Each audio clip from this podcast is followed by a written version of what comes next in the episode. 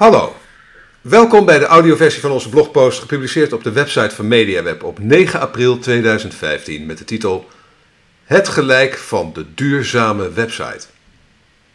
Mijn naam is Erik van Hal, oprichter en eigenaar van MediaWeb, het internetbureau uit Noordwijk dat is gespecialiseerd in responsive webdesign en development. Heb je behoefte aan een mooie responsive website? Of ken je iemand die dat heeft? Neem contact met ons op voor een vrijblijvend kennismakingsgesprek. Onze contactgegevens vind je uiteraard op onze website mediaweb.nl. Het gelijk van de duurzame website. Weet jij waarmee mensen jouw website over twee jaar bezoeken? Misschien met een gigantische OLED-TV van Samsung? Of misschien wel op een flinterdun oprolbaar scherm. Een Apple Watch. Nee? Nou, ik ook niet. Wat ik wel weet is dat de kans groot is dat veel van deze apparaten een webbrowser zullen hebben. Dan is de website van jouw organisatie daar eigenlijk al klaar voor. Daarover wil ik het in deze podcast hebben. Nou, op 27 juni 2013 publiceerde ik al een artikel met de titel de duurzame website. En daarin beschreef ik de filosofie van webdesign waarmee we bij MediaWeb websites toekomstbestendig willen maken. Websites die zodanig zijn gemaakt dat ze klaar zijn voor de enige constante op het web. Verandering. De duurzame website is nu meer actueel dan ooit. De hoeveelheid en de diversiteit van het aantal connected devices, oftewel apparaten verbonden met het internet, neemt steeds sneller toe. En wie weet waar Samsung, Apple, Huawei en bedrijven die nu nog niet eens bestaan, de komende jaren mee op de markt komen. En wie weet wanneer Google met zijn volgende mobile Geddon komt. De ongelooflijk uh, belangrijke update die nu op 21 april uh, uh, komt, waarbij niet mobielvriendelijke websites uh, behoorlijk zullen lijden onder deze update. Verzoekqueries op, uh, op mobiele apparaten. En uh, dat artikel vind je uiteraard ook op onze, op onze website en onze blog. Nou, websites maken voor specifieke apparaten of operating systemen en browsers is eigenlijk geen doen meer. Alleen al in de maand maart werd de website van één van onze klanten bezocht door 1370 verschillende type mobiele apparaten. Mobiele apparaten alleen al.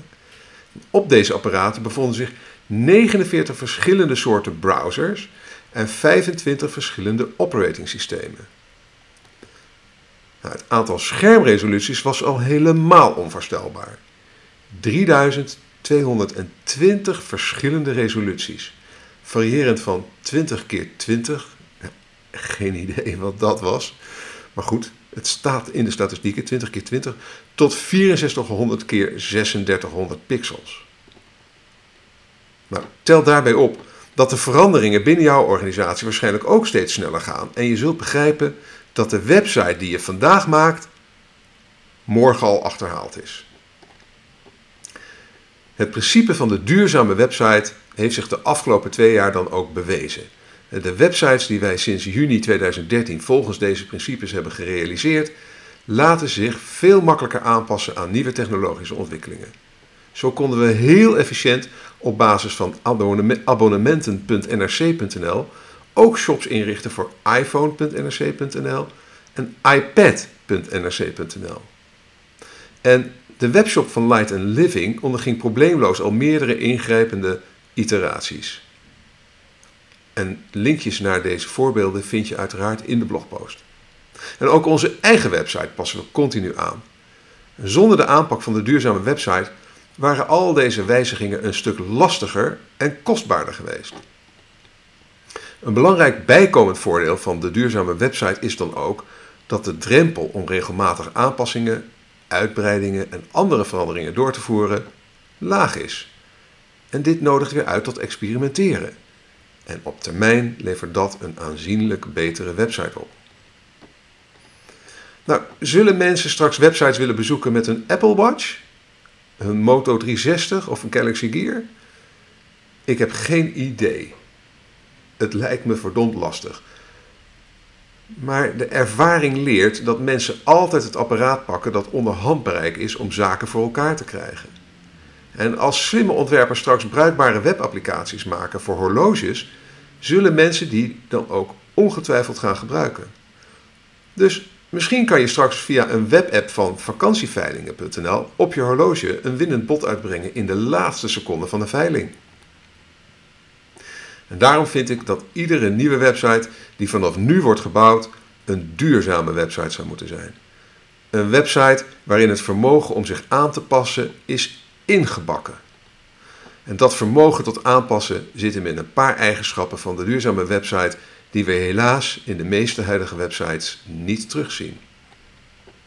Zo is de duurzame website op de eerste plaats apparaatagnostisch. Dat wil zeggen dat de duurzame website geen rekening houdt met specifieke apparaten. Het maakt de duurzame website niet uit welk apparaat een bezoeker gebruikt.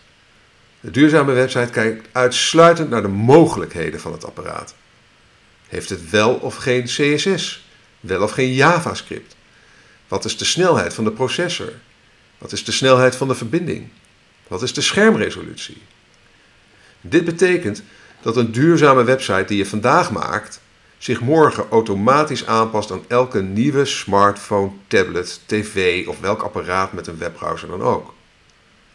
Wellicht niet gelijk perfect, maar het aanpassen van de site aan die nieuwkomers is dan relatief eenvoudig. De duurzame website bevat ook sterk gestructureerde content. Teksten, afbeeldingen, video's, presentaties en andere contenttypen hebben een logische structuur die is voorzien van metadata. metadata is eigenlijk data over data, zodat de computers die het moeten uitlezen van elk stukje content precies weten wat het is. En daardoor staat de content geheel los van de vormgeving en de programmatuur. de content spreekt voor zichzelf en kan dan ook op tal van manieren in de juiste context worden gepresenteerd. De duurzame website werkt ook volgens een duidelijk ontwerppatroon. Bijvoorbeeld het Model View Controller, oftewel MVC-patroon. MVC deelt het ontwerp van websites op in drie eenheden met verschillende verantwoordelijkheden. 1. Het datamodel, dat is het model. 2. De datapresentatie, dat is de view. En 3. De applicatielogica, oftewel de controller. Met andere woorden, content, opmaak en code van de website zijn op die manier strikt gescheiden van elkaar. En dit betekent dat auteurs, vormgevers en programmeurs ieder hun eigen verantwoordelijkheden binnen de website kunnen hebben zonder elkaar in de weg te zitten.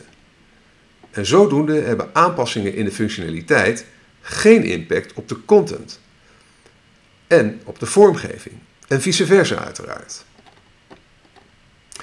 En de duurzame website maakt ook stevast gebruik van responsive webdesign. En dat wil zeggen dat het ontwerp van de website meeschaalt met de afmetingen van een scherm. En dit zonder in te leveren op leesbaarheid van de tekst of bruikbaarheid van de gebruikersinterface. Elke nieuwe website die nu nog wordt gebouwd zou standaard responsive moeten zijn. Er zijn eigenlijk bijna geen redenen meer te bedenken waarom je een nieuwe website niet responsive zou maken.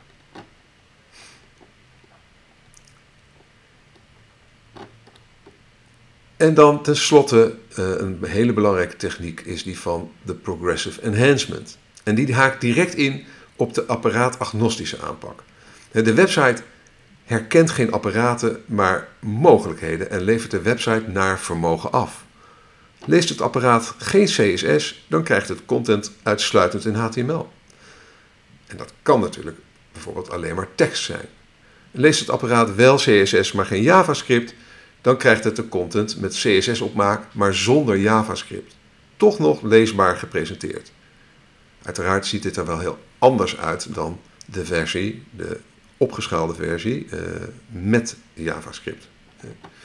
En dat is natuurlijk wat op moderne apparaten verreweg de meeste mensen uiteindelijk te zien krijgen.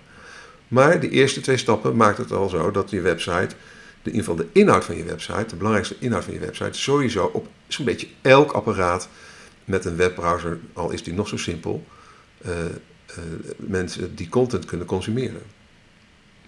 De gedachte is simpel. De content is de basis. Hoe deze wordt gepresenteerd hangt af van de capaciteiten van het apparaat dat de content opvraagt. Langzame verbinding, klein schermpje, dan laat de site de kleinere, sterk gecomprimeerde afbeeldingen. Snelle verbinding, groot retina scherm, dan laat de site de grote, haarscherpe hero images. De basis is de content, de presentatie volgt de mogelijkheden van het apparaat dat de content opvraagt.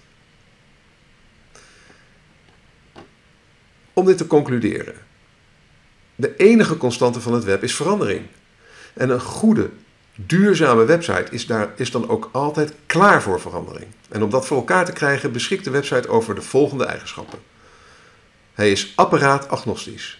Met andere woorden, de site herkent geen apparaten, maar wel mogelijkheden en capaciteiten van die apparaten. De website is gebouwd op gestructureerde content. De content heeft een logische structuur en is voorzien van metadata. De website is gebouwd volgens een MVC-patroon. Content, opmaak en code van de website zijn strikt gescheiden van elkaar. De website maakt gebruik van responsive webdesign. Daarmee schaalt hij automatisch mee met de schermgrootte van de bezoeker en blijft daarbij leesbaar en bruikbaar. En de website maakt gebruik van progressive enhancement. De website past zich automatisch aan aan de mogelijkheden en de capaciteiten van, de bezoeken, van het bezoekende apparaat. Nou, wil je verder lezen? Dan heb ik onderaan de blogpost een aantal links gezet naar artikelen uh, op onze, uh, op onze, in onze blog die hierop aansluiten. Zoals de Break the Boom Bust cyclus, de duurzame website, zo gaat je site oneindig mee. Dat was mijn oorspronkelijke artikel uit 2013. Adaptive en Responsive Web Design, app, mobiele site of responsive website en Responsive website, vier strategieën. Allemaal zeer interessante artikelen om in combinatie hiermee te lezen. Nou, is de website van jouw organisatie duurzaam? Nou, neem contact met me op en ik kan het je snel vertellen. Bedankt voor het luisteren en als je graag op de hoogte blijft, schrijf je dan in op onze nieuwsbrief via bit.ly slash mediaweb-nieuwsbrief. Je kunt dan bovendien gratis deel 1 van mijn e-book Online Marketing Checklist editie 2015 downloaden. En volg ook onze webwalks op Periscope. Onze Twitter en Periscope handle is @mediawebnl. Wat het contact betreft, je kan mij altijd bellen op 071 750 4040. En uh, uiteraard kan je ook altijd mailen naar info.mediaweb.nl en dan komen we altijd zo snel mogelijk, uh, krijg je antwoord. Heb je met plezier geluisterd? Laat dan een review achter bij SoundCloud of in de reacties onder de blogpost op onze website. En dan weer heel erg bedankt voor het luisteren en graag tot de volgende keer.